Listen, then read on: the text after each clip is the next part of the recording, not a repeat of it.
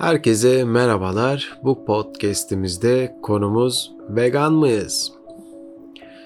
Çayınızı veya kahvenizi tazelemeyi unutmayın. Beden yapımız ne yemeye uygun? Ne yediniz? Ardından nasıl hissettiniz? Beslenmenizden sonra uyku kaliteniz nasıldı? Veya boşaltımı nasıl oldu? Rengi ve kokusu nasıldı? Bu soruları kendinize sormuyorsanız eğer sormaya başl- başlamalısınız. Farkına varmanızı isterim ki doğadaki çoğu canlı bunları yapıyor. Biz de kendimizi onlardan ayrı tutmazsak eğer ki olması gereken budur aslında.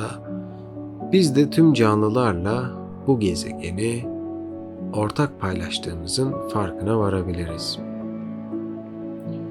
Canlıların tecrübe ve birikimlerine değer vermeli ve bu incelemeleri yapmalıyız. Bilim adamları ve gözlemciler doğadaki canlılardan tecrübe ve birikimler elde ediyorlar. Fakat aldığımız değerin karşılığını nasıl veriyoruz? Onları yiyerek mi?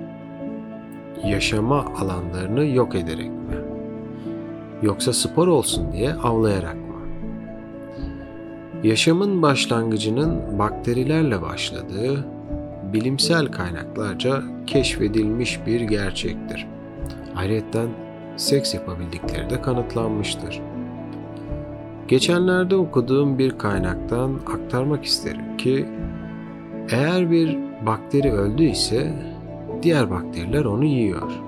Yani genetik özelliklerine ve tecrübelerine ulaşmak için.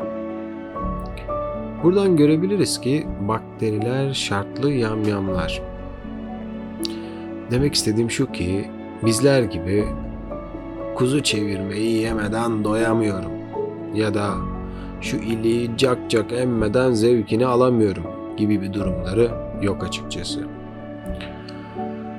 Evet bazılarımız acıktığında gözleri dönebiliyor fakat kendimizi aç hissettiğimizde bedenimizi boş bir çöp kovası olarak görmemeyi öğrenmeliyiz. En azından kendimizi kontrol etmeliyiz. Fakat bu günümüzde o kadar kolay değil.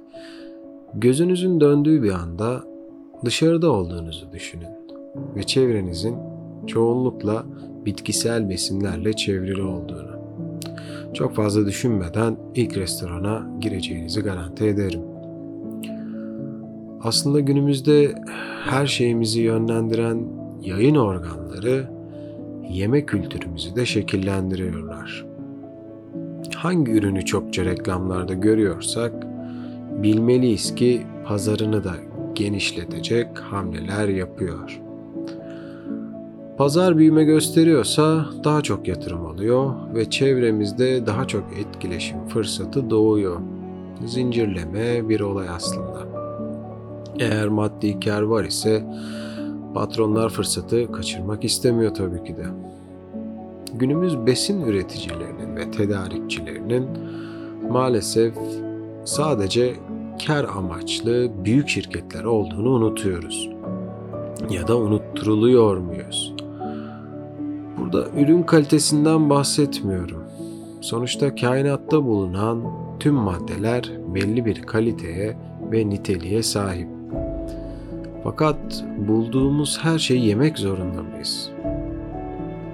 Bu yaşam içerisinde var olduğumuz andan itibaren farkına varmışızdır ki en temel ihtiyaçlarımız dışında herhangi bir bilgiye sahip değiliz.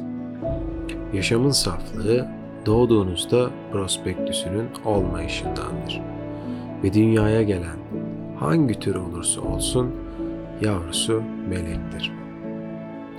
Asıl konumuzdan devamla doğduktan sonra motorik işlevlerimizin belli bir düzeye gelmesiyle çevremizi deneme ve yanılma yöntemiyle tecrübe ediyoruz. En kalıcı tecrübelerimizin oluşması ise yüksek boyutlu etkilerin tepkimesiyle gerçekleşiyor. 2 yaşındaki bir çocuğa limon verdiğinizde yüksek seviyedeki ekşiliğinden dolayı tat alma duyusunun da algılamasıyla aşırı ifadeler ve tepkiler gördüğümüzün farkına varmışızdır. Aynı çocuğa limonu ikinci kere verdiğinizde tekrar deneme olasılığı gerçekten çok düşüktür. Ortada herhangi bir zarar olmasa da şok etkisine sahip bir tecrübe yaşanmıştır. Çok yavaş öğrendiği zannedilen insan yavrusu hızlıca öğrenmiştir. Fakat büyüdükçe bu temel deneyimleme olgumuzdan doğan pozitif ve negatif negatif durumlar hissettiğimiz hazza göre arka plana atılabiliyor. Çoğu kişi beslenirken aldığı hazzı hatırlamayı seçip boşaltımında olan problemleri göz ardı edebiliyor veya sindiriminde olan. Tabii ki de yetişkinliğin getirdiği karar verme hakkıyla. Akılsızca ve bencilce yanlış besinleri yemeye ısrarla devam ediyoruz. Eşinize ve çocuğunuza seni her şeyden çok seviyorum deyip akşam yemeğinde kolon kanserine davetiye çıkarabiliyoruz ya da koroner arter hastalıklarına. Vakitsizce yanlarından ayrılıyor, ardından suçu kadere atabiliyoruz. Toprağı bol olsun deyip kırkında tavuklu pilav dağıtabiliyoruz. Ya adam zaten hayvansal besinler yüzünden erken yaştan alları dikti. Misafirler demek ki gerçekten çok seviyorlar. Yalnız kalsın istemiyorlar öbür tarafta. Tam anlamıyla trajikomik bir mevzu aslında. Tabii çoğu fast food firması laboratuvarlarda tat alma duyusuna yüksek uyarılarda bulunan maddeleri fütursuzca kullanıyorlar. Ya da süt üretiminin verimini arttırmak için ineğe düzenli olarak hamilelik hormonu verebiliyorlar. Veya daha etli olsun diye gırtların, e, gırtlağından içeri her öğün hortumla normalde yemeyeceği ilaçlı besinleri zorla veriyorlar. Earthlings belgeselinin varlığını hatırlatmak isterim. Fakat hassas bir insansanız izlemeden önce bir kez daha düşünmenizi tavsiye ederim. Hiç iç acıcı bir durum değil. Bu konuda tarihi biraz daha eşersek, gladyatör kemiklerinde yapılan 5000 civarı araştırmada yoğun bir kemik mineraline sahip oldukları bulunuyor. Yani güçlü bir kemik ve kas yapısına sahip olmak için yoğun bir çalışma ve en önemlisi ciddi diyetleri olduğu gözüküyor. Ve bu diyetlerinden dolayı onlara hodreari deniyor. Bu ismin ise fasulye ve arpa yiyen anlamına geldiği biliniyor. Çoğunlukla bitki bazlı beslendikleri ortaya çıkan bilimsel bir gerçek. Maalesef günümüzde ilgi duyduğumuz ünlülerin veya altın orana yakın yüz atları olan kişilerin reklamlarda bize pazarladıkları ürünlere benzemiyor. Ve birçok filmde sıska ve güçsüz karakterlerin vejeteryanlık olgusuyla desteklendiğini belki de fark edemediniz. Bunların hepsi bilinçaltınızda depolanıyor ve tercih anı geldiğinde neyi seçeceğiniz aslında çoktan belirlenmiş oluyor. Gerçek adamlar biftek yer. Erkeklerin ihtiyacı olan şey. Erkek gibi adamım gibi reklamlar Amerika gibi bir ülkede sıkça halka sunulmuş reklam propagandalarıdır. Aynı bir dönem sağlıklı ve başarılı yüzleri sigara reklamlarında gördüğümüz gibi. Fakat Amerika gibi bir dev bile halkını bu besin teröristlerinin elinden kurtaramıyor. Çünkü işin içerisinde çok büyük kar var. Ayrıyetten hasta olduktan sonra çok yüksek kar marjı olan sağlık sektöründe tedavi edilebilirsiniz. Bunu yemelisin diyen reklamlardan bunu içmelisin diyen doktorlara giden bir serüvendir bu. Sistem şahane bir şekilde işlemektedir. Şirketler ve hesaplarını incelerseniz ne demek istediğimi anlayabilirsiniz. Standart işçi vatandaş hariç diğerlerinin kazandığı bir döngü hayal edin. Ve içerisinde yaşayın. Harika değil mi? Ben şahsen günümüz tıp çözümlerinin çözüm olmadığını, sadece semptomları ortadan kaldıran fakat hastalığın temel sorununu çözmeyen bir aldatmacı olarak görüyorum. Binlerce yıllık bitkisel tecrübelere alternatif, sentetik ilaçlara ise modern tıp dediğimiz bir zamanda yaşıyoruz. Örneğin sinüzit sorununu ortadan kaldırmak için antibiyotik veriyorlar. Fakat hayvansal besinlerin mukus üretimini inanılmaz şekilde arttırdığını ve azaltmanız gerektiğine dair herhangi bir bilgi vermiyorlar. Ya da mide yanmasına karşı pH dengeleyici veriyorlar. Bir de yanında süt için diyorlar. Bunu bazı doktorlardan duyduğumda şok oldum açıkçası. İnek sütü insan midesine girdiği anda asidik sindirim sıvıları sütün topak haline almasına yani bir nevi kesilmesine neden olur. Bu peynirimsi yapılar diğer besinlerin etrafını sarar ve sindirimi daha zorlaşıp asit üretimini arttırırlar. Bu yüzden düzenli süt tüketimi büyük mide sorunlarına yol açar. Bir süre sonra 12 bağırsak bağırsa, 12 parmak bağırsağına zarara kadar ilerler. Aslında diplomalı tüccarların eline kalmış vaziyetteyiz. Tarihte etin enerji verdiği yalanının başlangıcı aslında 1800'lerde Alman kimyager Justus von Liebig'in kas enerjisinin hayvansal proteinlerden geldiğini ve vejeteryenlerin uzun süre egzersiz yapamadığını söylemesiyle başlamış. Bu durumlar o zamanlar USDA'nın protein önerilerini bile etkilemiş. 1880'lerde ise çalışan kasların bitkilerdeki karbonhidratlar ile beslenmesinin keşfi gerçekleşmiş. Fakat 80 yılda çok yüksek gelir elde eden besin firmalarının bu gücü ellerinden bırakması ise tabii ki de stratejik bir aptallık olarak görülüp bu yalanı günümüzde bile sürdürmektedirler. 1900'lerden itibaren olimpiyatlarda vejeteryanların üst üste başarı kazanması, toplumda reklamı yapılması tabii ki de sıcak karşılanmadı ve reklam potansiyeli taşımadı.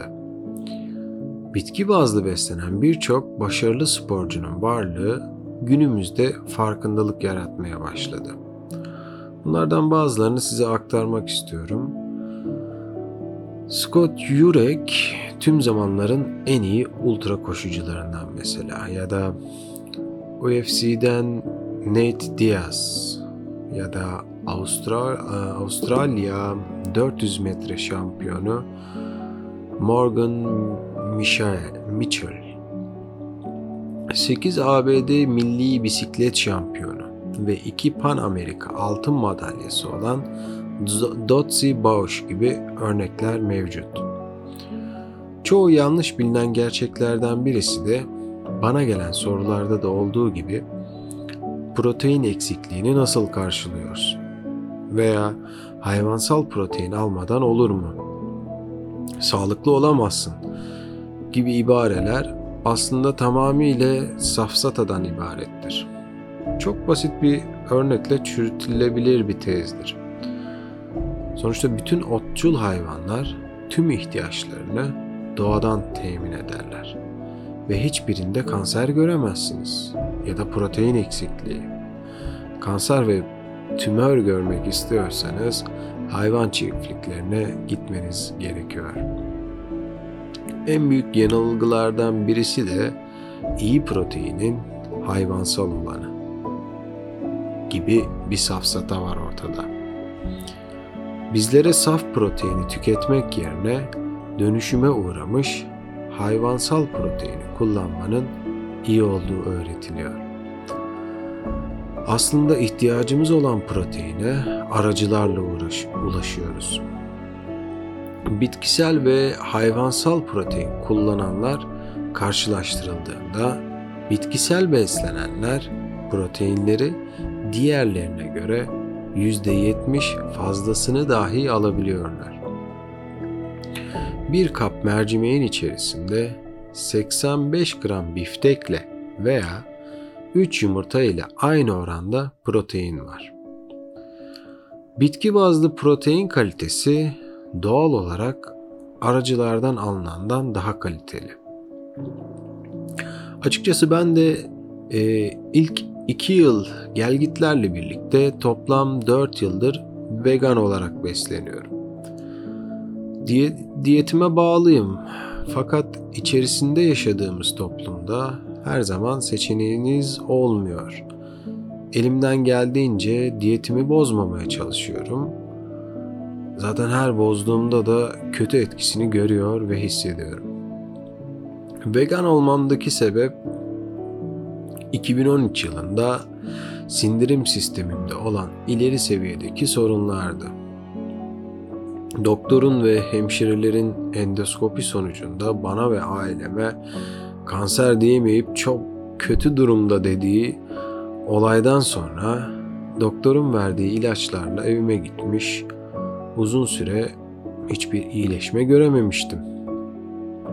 Ardından kendi yaptığım araştırmalar sonucu ilk önce süt ürünlerini bıraktım ve inanılmaz şekilde sorunlarım azalmıştı.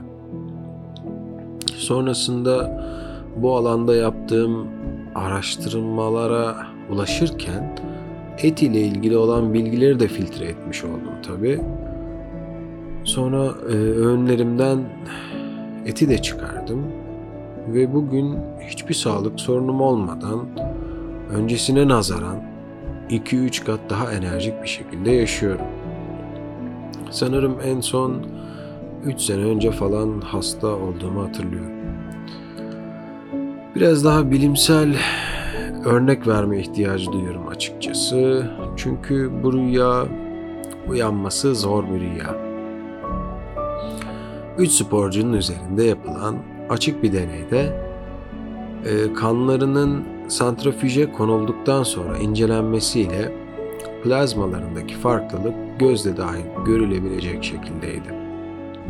Hayvansal beslenen kişinin plazması tamamıyla bulanıktı.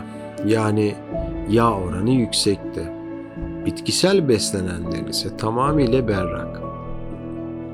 Başka bir araştırma süt ürünlerinden alınan proteinlerin prostat kanseri riskini arttırdığı gözüküyor. Başka bir araştırmada. Tüketilen hayvanın uygunsuz ortamları, veya kötü muamele görmesi, stres ve hastalıklar içinde büyüyüp soframıza gelmesi, ömrünü tamamıyla mutsuz, gün yüzü görmeden, vücudunda bir gram mutluluk hormonu, da, hormonu tatmadan büyüyen bir canlının mükemmel sindirim sistemimizde sindirilmesiyle nasıl iyi olabileceğini düşünüyorsunuz? Kötü tecrübelerle dolu DNA ve hücresel anıların bedeninizde sindirilmesi sizce nasıl bir etki oluşturur? İyi demek isterdim fakat maalesef gerçekler ortada. Amerika Ulusal Kanser, Enstitüsü'nün finanse ettiği araştırmaya göre et ve balık tüketenlerin kolon kanseri riski tüketmeyenlere göre 3 kat fazla risk taşıyor. Bu verilerin gün geçtikçe üzeri kapatılması zorlaşacak ama ne zaman? Sen dinleyici, evet sana söylüyorum. Sen kendini ve sevdiklerini düşünmüyorsan önüne gelen yasaklar ve engeller düşündürebilir mi? Yıl olmuş milenyum. Sen hala inandığın Tanrı'nın adına kurbanlar kesiyor, can alıyorsun. Yaratıcına sunuyorsun. Sanki bir karıncaya bile can vermekten yoksun olan. İkiniz de aynı gezegende, ikinizin de aynı gezegende yaşam bulmasını sağlayan hak, birinizin ölmesinden haz duyar mı? Ya da mutlu olur mu? Bu arada dinler tarihi ile ilgili de bir bölüm yapmayı düşünüyorum. Şimdiden spoiler verebilirim. Konumuza dönersek, bu sohbetimde verdiğim örneklerin çoğunun The Game Changers belgeselinden olduğunu belirtmek isterim. Ve belgeselin ilginizi çekmesi gerektiğini düşünüyorum. Ayrıyetten What the Health belgeselinin de ufkunuzu açacağına ve yarınınızı değiştireceğine inanıyorum. Verdiğim örneklerin özellikle bir belgeselden olmasına özen gösterdim diyebiliriz. Çünkü geçmiş zamanlarda insanlarla yaptığım sohbetlerde ve açıkladığım örneklere insanların pek inanmadığını gördüm. Bu belgeselleri izledikten sonra sizlerle gerçek kaynaklar üzerinden paylaşımda bulunmak istedim. Maalesef tek başına bitkisel beslenmeyle günümüzde her şey iyi olacak diyemiyoruz. Kendi tohumlarımızın dahi ekiminin yasak olduğunu belirtmek isterim ülkemizde. Çoğu besin şirketlerinin GDO'lu ürünler ile üretim ve gramaj değerlerini arttırıyor olması büyük bir fırsat. Tabi cüzdanları için. Kısa vadede sistemsel bir uyanış olması zor gözüküyor. Bu durum ancak bireysel bir çabayla hayatınıza etki edebilir. En başından dünyanın doğuşundan itibaren gelişimi ve doğanın varlığı göz önüne alındığında ilk insanların besin ihtiyaçlarını çevrelerinde bolca ve kolay ulaşılabilir olan bitkiler ve meyvelerden karşıladığı bariz bir gerçek. Tabi ilk e, bulunabilir kolay örneklerden yola çıkarak ilk insanların tükettikleri şeylerin kemikler olduğu göze çarptı kalıntılarda. Sonuçta sebze ve meyveler çok kısa sürede doğada kayboluyordu ve bilim adamları yüzeysel bir çalışma sonucunda etçil atalarımızın varlığını tasdiklediler. Fakat bugün yapılan mikroskobik incelemeler sonucu diş minelerinde çokça sebze ve meyve kalıntısı olduğunu bulmuşlar. Bilim geliştikçe ve bazı yeni gerçekler ortaya çıktıkça şaşırmamalıyız ki doğru bildiğimiz çoğu şey değişebilir. Aynı Göbekli Tepe'nin ortaya çıkıp birçoklarca doğru kabul edilen insanlığın tarihsel gelişim sıralamasının değiştiğini gösterdiği gibi. Bedenimizi etçil hayvanlarla kıyasladığımızda ise bağırsak uzunluğumuzun farkı kat be kat fazladır. Bu gösteriyor ki bağırsağımız sindirilmesi daha uzun süren bitki ve lifler için daha uygun. Aynı şekilde çene ve diş yapımız incelendiğinde de yırtıcı hayvanlarla ortak bir özellik taşımadığımız net bir şekilde görülebiliyor. Görüş yeteneğimizin trikromatik olması ise bir diğer destekleyici özelliğimizdir.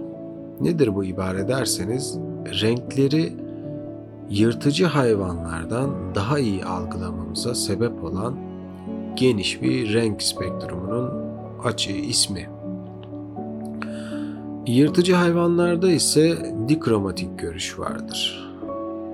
Bu fark tabi taze olmuş sebze ve meyvelerin seçilmesinde yırtıcı hayvanlara göre daha üstün olmamızı sağlar. Mantığa vurduğumuzda da e, hızlı şekilde avın peşinden koşan yırtıcı trafikte kırmızı ışığı önemsemeyecektir. Rengin çeşitliliğinden çok avının yakalanmasına odaklanması daha iyi bir sonuç elde ettirecektir ona. Kozmos'un muazzam dizaynı bir kez daha bize göz kırpıyor açıkçası. Bir diğer önemli organımız olan beynimizin iyi bir glikoz tüketici, tüketicisi olduğunu göz önünde bulundurursak etin de iyi bir glikoz kaynağı olmadığını söyleyebilirim. Taşlar yerine belki oturur. Hala inanmıyor musunuz? Olabilir. O zaman devam. Kare ve düz dişlerimizin varlığı çenemizin çapraz hareket imkanı gibi. Yani mantık ve doğa koşulları göz önüne alındığında otobur türler ile çok daha fazla ortak özelliğimizin olduğu açıktır. Tabi en büyük problemlerden birisi ise B12 vitaminidir bu vitaminin sadece hayvansal besinlerden alınabileceğini söyleyen onlarca doktor vardır. Bir konuda haklıdırlar fakat günümüzde biliniyor ki hayvanların sahip olduğu bu vitamin tükettikleri besinlerin üzerinde kalan toprak ve suda yaşayan bir bakteriyle gerçekleşiyor. Fakat pestisitler ve antibiyotikler günümüz tarım ve çiftçilik alanlarında çok yoğun bir şekilde kullanıldığından B12 üreten bu bakterilere doğru yoldan ulaşamıyoruz çünkü ölüyorlar. Şehir yaşamını seçenlerimizin vitamin eksiklikleri gün ve gün artmakta olmasının sebebi doğal kaynaklardan beslenme işimizdir. Suyu pınar, pınarlardan değil pet şişelerden, sebzeyi toprağından değil reyonlardan almaya devam. Et tüketiminin cinsel performansı azalttığı ise yapılan araştırmaların başka bir boyutu. İnek sütü içen bir erkeğin bir saatte östrojen seviyesi %26 yükselip Testosteron seviyesi ise %18 düşüyor. Sözde uzmanlar tabi televizyonlarda hala beynimizi yıkamaya devam ediyorlar. İsim vermeme gerek yok. Sabah programlarından iyi tanıyorsunuz. Etkilenen annelerimiz veya eşlerimiz veya yemek yapan babalarımız bizi o fikirlerle günde üç öğün güzellikle besliyorlar. Buna aynı bir dönem kurşunlu benzinin zararsız olduğunu veya sigaranın kanser yapmadığını söyleyen tutulmuş bilim araştırmacıları gibi bakabilirsiniz.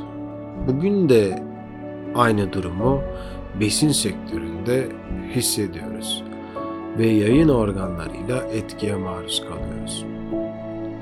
Daha büyük çev- çerçeveden bakmak gerekirse dünyadaki çiftlik alanlarının dörtte üçü hayvancılık için kullanılıyor.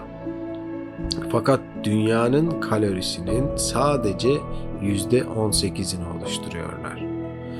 Ayrıca ürettiklerinin tam tamına altı katı protein tüketiyorlar. Her sene 70 milyardan fazla hayvan tüketiliyor. Hayvan yemeği yetiştirmek için büyük tarım alanları gerekiyor. ve orman kayıplarının temel sebeplerinden birini bu oluşturuyor. Ayrıca yüksek miktarda temiz su kaynaklarımızı kullanıyorlar. Dünyadaki nehirlerin %25'i hayvan yemi yapımında kullanılmak için alınan su yüzünden okyanusa artık akamıyorlar. Bir hamburger için 2400 litre suya ihtiyaç duyulması gerçekten şaşırtıcı. Temiz su kaynaklarının %27'si hayvansal ürün üretimine gidiyor. Birleşik Devletler'de çiftlik hayvanları tüm insan nüfusuna kıyasla 50 kat atık üretiyor ve tüm temiz su kaynaklarını kirletiyorlar. Ayrıca hayvancılık sektörü insanların sebep olduğu gaz salınımının %15'ini kapsıyor. Yani tüm ulaşım araç, araçlarının oranıyla aynı. Hayvansal besinlerden uzaklaşmamızın aslında birçok yapıcı özelliği gözle görülebilir. Tabi ilk etkisi sağlık sektörünün çöküşü olarak gözüküyor. Buradan gelir sağlayanların bir diğer geliri ise besin sektörü. Yani bu durum şu an için dediğim gibi kısa vadede kitlesel bir uyanışa gitmesi zor bir konu. Kimseye zorla bunu ye, bunu yeme deme hakkımız olmasa da günümüzde kaynaklara ulaşma şansımız geçmişten bugünümüze gelen verileri inceleme imkanımızla doğru yolu kendi ferenimizle bulmak zorundayız aslında. Sonuçta sizi sizden başka kimse daha fazla önemseyemez. Sadece iki hafta vegan olarak beslenmeyi denemenizi tavsiye ederim.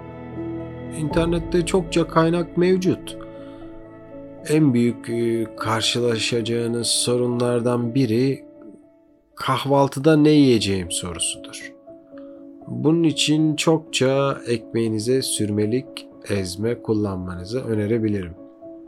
Açıkçası öğle ve akşam yemekleri çok sorun olmuyor. Umarım bu sohbetimden keyif almışsınızdır. Çabam düşünmek ve düşündürmek.